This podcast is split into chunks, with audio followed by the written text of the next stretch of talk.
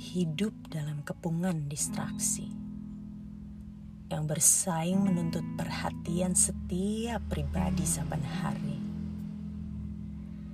Sia-sia aku menghitungnya. Tak terbilang sudah jumlahnya. Kerja distraksi menginterupsi, menjauhkan pikiran dari pencarian diri sendiri terlunta-lunta di belantara ketidaktahuan. Dan pertanyaan esensi kau abaikan. Siapakah aku terkurung di ruang hampa? Misteri kau abaikan. Maka diri menjadi pecandu distraksi. 49 notifikasi lain tak kubuka. 17 notifikasi WhatsApp, grup kampus, pekerjaan, alumni SMA, keluarga. Isinya sharing berita, kata-kata bijak, motivasi, ucapan selamat pagi, dan bla bla bla mantan tak bisa move on. Kepayahan mengasihani diri sendiri. Ku baca keluh kesah dan ratapannya memintaku kembali.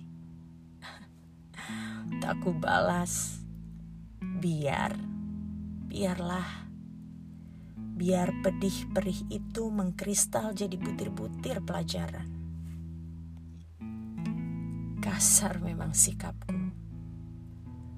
tapi tak ada benciku padanya.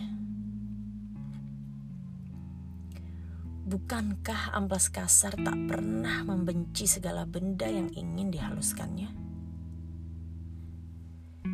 Hidup ini sendiri kasar, tapi aku selalu merengkuhnya demi menajamkan pikiran, menghaluskan perasaan, juga mendalamkan jiwa hidup terlalu berharga untuk dicaci maki. Meski sepenuh maknanya belum lagi ku mengerti.